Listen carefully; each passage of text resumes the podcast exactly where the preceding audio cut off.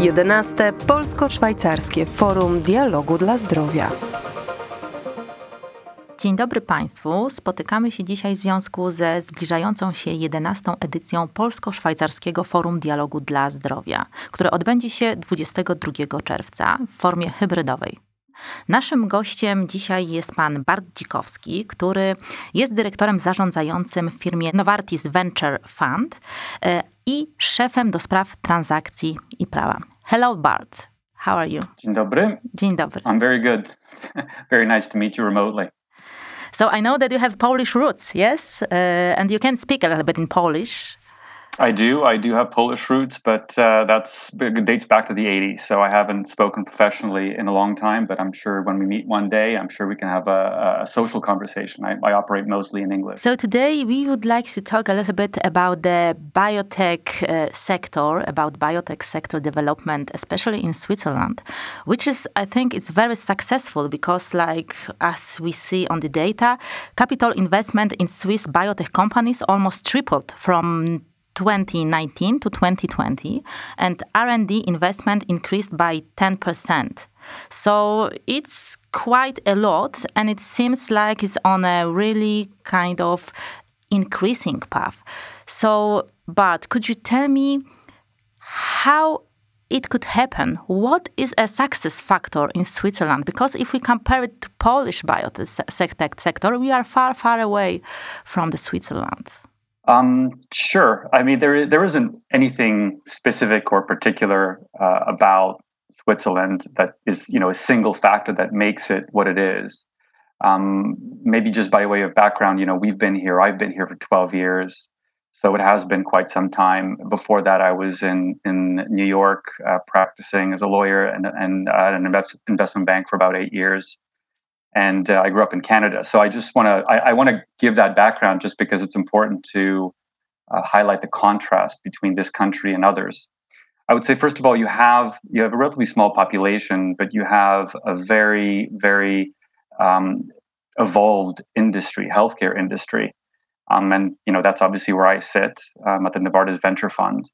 And you've got a uh, a basis for attracting talent from around the world. And again, I, I, use myself perhaps and my spouse and others as examples where we've come from different places uh, to Switzerland for uh, great uh, opportunities. And I think that then, of course, translates to having a, a fairly well educated and specialized workforce. So, not just the Swiss workforce, but you also have a very uh, international workforce. So that then, of course, translates to uh, people being quite satisfied where they live. It's obviously quite a, a high standard of living, um, and they're the same people who come to join industry also then want to grow potentially other entrepreneurial ventures in Switzerland. And so, even after, let's say, being at a big company, a big healthcare company in Switzerland, many people remain and they want to be part of the ecosystem. I'm just giving a personal example. Don't forget, you know, this isn't sort of pointing one uh, thing out specifically.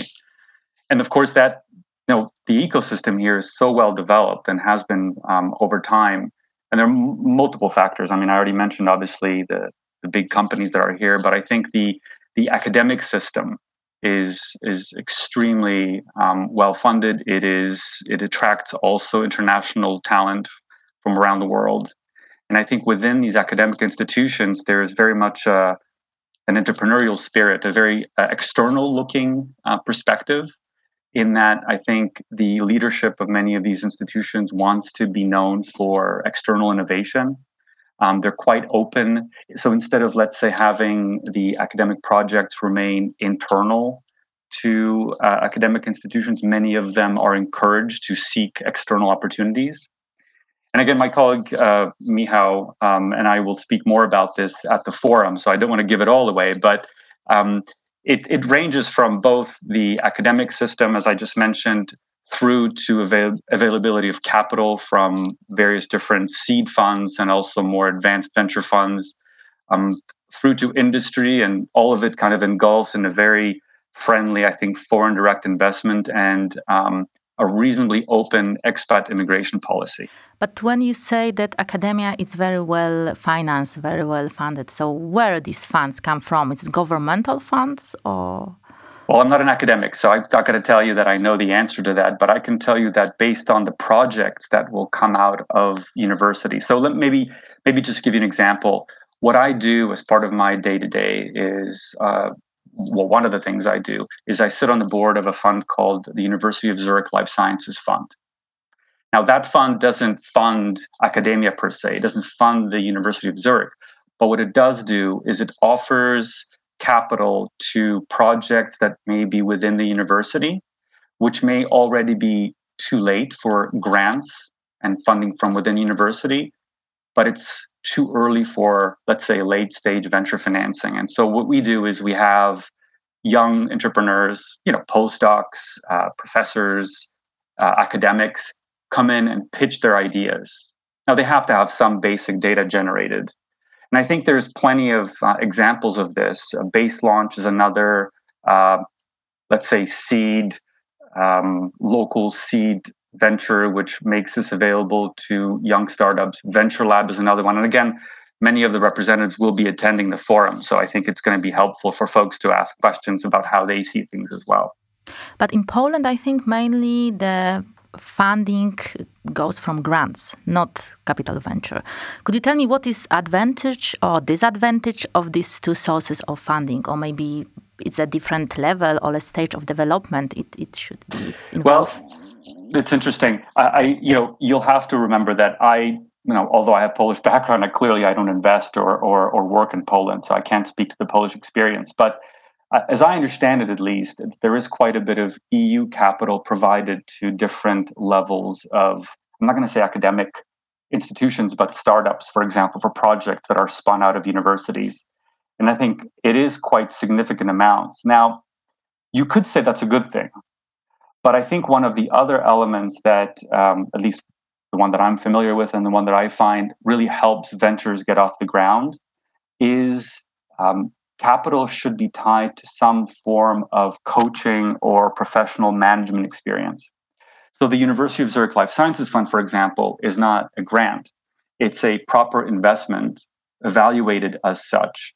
And it enables the individuals who come for that uh, type of investment to learn how to pitch investors and to be coached throughout. Now we don't we don't have the same necessarily strict approach to financial returns for that particular life sciences fund, um, but that is kind of the first step to have them exercise rigor in the way they raise capital and the way they spend money and how efficient or inefficient they may be it also um, allows them to keep costs down potentially by outsourcing some of the R&D activities. By that, I don't mean outsourcing, you know, going somewhere where it's not attractive, but but basically not having to do everything themselves and building an entire company from scratch.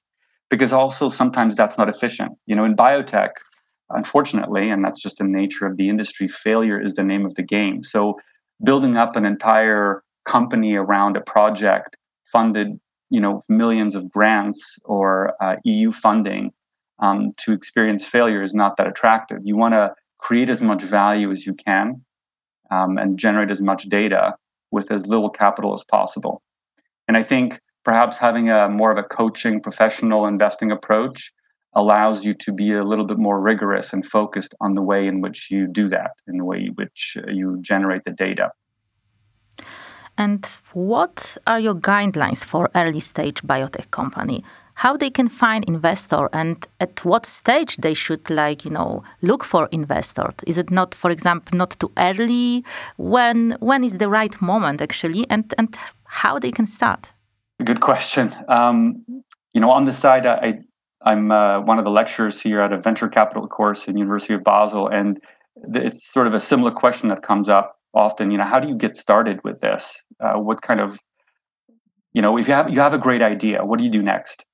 I think biotech is a very special example. I think a lot of people what they're familiar with is tech and sort of service uh, focused um, service focused applications you know things that are maybe more consumer driven biotech as you probably appreciate is is very much driven by the data and the science and it's almost like a very specialized uh, market you're looking you're looking for, or specialized group of uh, people you need to speak with. I think that if if I'm you know again we're focusing here on early stage in academia. We're not talking about starting a company, spinning it out of some other company. I'm talking about going to the universities, going to the uh, technical, yeah, technical universities and institutions. What you need to look out for is these. You should be focusing on um, talking with accelerators, speaking with your, for example, University of Zurich has a therapeutics accelerator where you can go and literally get coaching, basic coaching, because I do think the professional aspect of it. Once you have your idea, getting to understand how you want to pitch the idea is absolutely critical. Data alone is not going to get you funding, which is why I always, you know, the reason we formed this fund is to have a place for people to come to and essentially show us what they've been working on and help them think through how this can be pitched to investors. And if there is, if the idea has legs, because many of them might be thinking this is sort of a, a revolutionary thing that they're working on but um, it may very well be that it's not that special or the fact is that it may they might think it's revolutionary but we think that the market opportunity is too small or that the competitive landscape is too difficult so i know you're probably asking in terms of stage of development but the reality is that well clearly it's you know hopefully it's after you've done some work and you've written a paper about it right it may be before the idea is patented it may might still be a project within the institution um, so I think that's that's that's the bottom line. I don't think there's anything too early uh, in terms of development stage. Clearly, you need to have some some data. Animal data would be great to have, obviously. And I think the other um, source of of of let's say assistance for many of these projects, it's and, and this is one of the other advantages I think in Switzerland. I think we have very very helpful, sophisticated, and market minded uh, academic technology transfer offices. You know, these folks have been working in this field for many years. They've seen many projects fail. They understand how to negotiate a license between the academic institution where the actual IP resides and with potential players, you know, new companies or new funds. And they can also help position the product and help the academic or help the person who's trying to start the new company understand what the market dynamics are for them. I just think you basically have to uh, talk to as many people as possible to get as many ideas as possible in order to be able to sort of have your startup um, not necessarily be successful, but just essentially be able to raise some capital to generate more data. And again, we'll talk more about this at the, at the forum with Mihao and, and others who will be present. But if, for example, some scientist approach you, yes, and you are just make a discussion or maybe negotiation about the investing in that project, is it a great idea enough, or you may be also taking under consideration other aspects uh, of the consortium of the scientific team of course data and idea i think it's the, the starting point but what else what you um, look at while you're making decision, taking decision uh, about investing in that particular project? Well, again, you know, I'm trying to stay focused on because of the topic. You know, the topic is how do we convert academic ideas into, let's say, biotechs or successfully funded projects. And I think if you're, of course, I could tell you how we evaluate later stage companies or seed companies when they come to pitch us that the group who pitches us is a, a group that has deep science experience or background, that they are, um, you know, have the experience to be able to raise capital to advance the product forward. But the reality is that you know that's maybe not the subject matter of of of the at least at least in my view of the of the forum. The way I think about it is. Um, we are looking how do how do we help academic institutions translate what they have into a early stage startup that will get funding along the way. I would say that um, if you're asking me specifically, you know, beyond the data, what else is there? Of course, in an ideal world, the person who's coming to pitch us has some experience in drug development, right? Or has um, knowledgeable key opinion leaders or advisors who have given him or her their view as to how successful this project may be, right? So that person comes with a validated uh, data point. Yes, it would be great if the person comes and says, Well, I've already spoken with a few different funds and they think this is quite interesting. So that we know that, you know, importantly, we don't alone fund projects, right? We co invest with other investors. So obviously, it would be great to hear if other co-invest, co-investors have already heard this or are interested in the story. But again, I think those are uh, very optimistic perspectives to have for early stage startups. I think more often than not, they're uh, you know sometimes use a poker a poker analogy, a chip in a dream, right? And you try to work with those people to um, moderate their expectations and uh, help with making the plan that they have for their project a more realistic uh, a more realistic plan a one that's more capable of being developed you know the, the fact is that it takes as we all know, it takes hundreds and hundreds of millions of francs, dollars, zlotys to develop a project into a drug. And it's a very, very long journey. So I think here at this forum, I think we're only talking about a very, very small part of the journey. And by the time that these projects come to, or you know, if you were to take a number as to how many of these projects will end up as an actual drug, I think we're talking about a very, very small percentage, which is why we're trying to encourage as many people as possible to take as many shots on goal as possible in order to, I think, increase the overall, let's say, chances of a product being developed to patients because so many of them will fail along the way. I mean, we see this all the time. And when you look at the Swiss biotech sector, do you think that scientists there have more entrepreneurship uh, attitude or perspective? Are they understand? Do they understand the market needs? And how much they have to compromise their science, their research, while they uh, talking with the venture capital or with uh, investors? Why don't I start with the last question because it's an important one? Just compromising the science versus the sort of investment case that is not acceptable. It's simple, straightforward. You can't you can't compromise the science. What now? If you're saying, you know, if the scientist, for example, has a particular goal to deliver a proof of concept, right? To prove that there is some activity, to prove that the, what they're working on has some basic or has the possibility of having an impact on a particular disease, then absolutely they will need guidance from experienced drug developers. But that's not a question of, um, you know, hey, listen, we don't want to spend so much money. Why don't you take some shortcuts? Rather, it's a question of, okay, look, we know you'd like to take this project to this field, but this field or this disease area is littered with failed drugs. We think that this particular uh, MOA might work in this other disease area where you have more chances of seeing some sort of signal.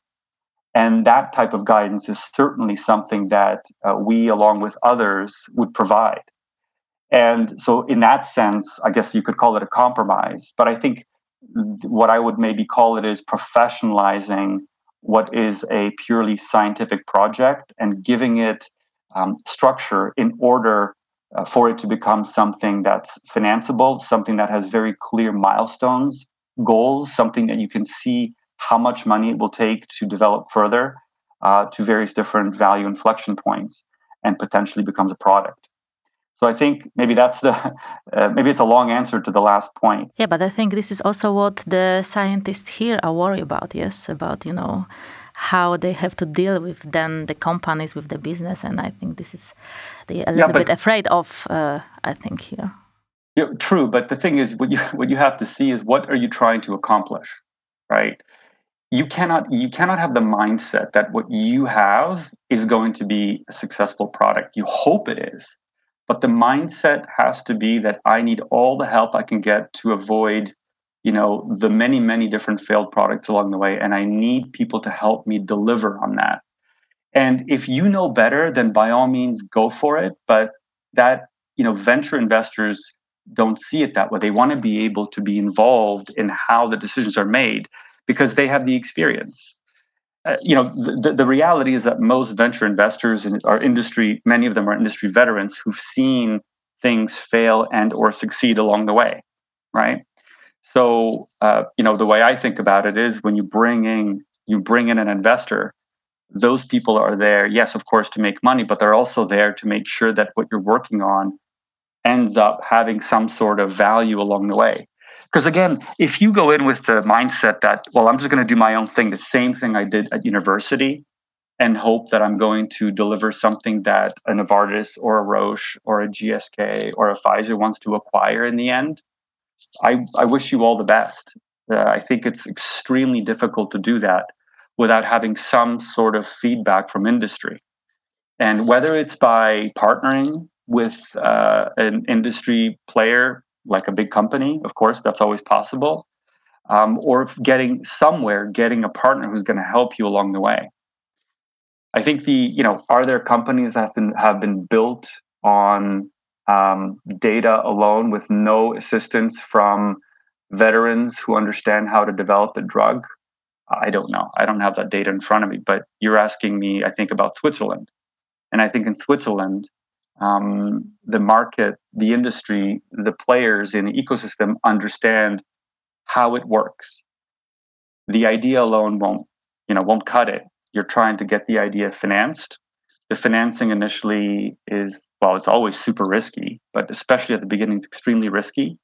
You have to give up control to some extent because what may work in the lab of a of an academic institution may not work at a you know a lab or a CMO in order to produce something that is of value. It could be of value to a pharma partner and ultimately the patients. And I think the last question, because we are starting run out of time, as you are head of transaction and legal, could you advise something to the scientists how they can deal with the legal aspect, with all this uh, legislation, and how they can prepare themselves to not get lost in this all complicated uh, legal issues? Well, uh, maybe that brings out another point that actually in Switzerland it's very simple I, I don't oh. have any advice to give them because essentially it, there is no, you know, that's the beauty of investing in Switzerland. We have extremely open foreign direct investment regulations. And I don't frankly, ha- I can't think of the last time I had to deal with a regulator as part of a company building exercise, other than maybe forming a company with a commercial register, which is a pretty straightforward process. So, you know, contracting in terms of investment documents, uh, we have standard forms generally that are negotiated. You know, it's pretty light negotiation. Everybody understands what the basic terms are. And there are no wild swings between terms. There really aren't. And that also make things very simple. I mean, I personally, personal experience of us having looking at companies or maybe IP in other jurisdictions, but the complexity of those jurisdictions simply wouldn't allow us to do an investment there. So what we often do is we might uh, see if other co-investors feel the same way. If, if enough co-investors feel that way, we may end up creating the company in Switzerland and in licensing um, the IP in Switzerland because it's just much simpler to operate here. We have no, um, I think maybe, you know, so, particularly in the last couple of years, there is no particular obsession about protecting um, anything in particular from some sort of foreign, unwelcome foreign influence. I think overall, it's an extremely, extremely open and friendly investor environment. So, if there's anything I would say to to um, academics or professors, I think I would encourage them to be very open-minded, as many of our academics and scientists have been here.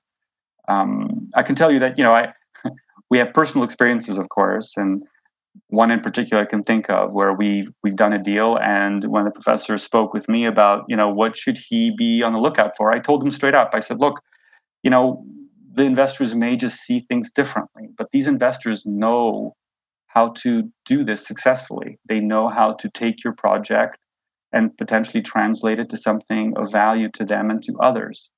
So to some extent, you know, you're just going to have to trust them and um, and look at their track record, right? And if you see their track record track record is successful, meaning that they've taken companies or projects like yours or similar to yours and have transacted on them or have, you know, some of them may have been developed, you're going to have to let go and you're going to have to trust that, you know, what they've done will work again or you hope it will work again with your project. So thank you very much, Bart, for your super interesting insights. And I can only welcome you all for 22nd of June and for 11 Polish Swiss Forum for Health Dialogue. Thank you very much again. Dziękuję bardzo. Do widzenia.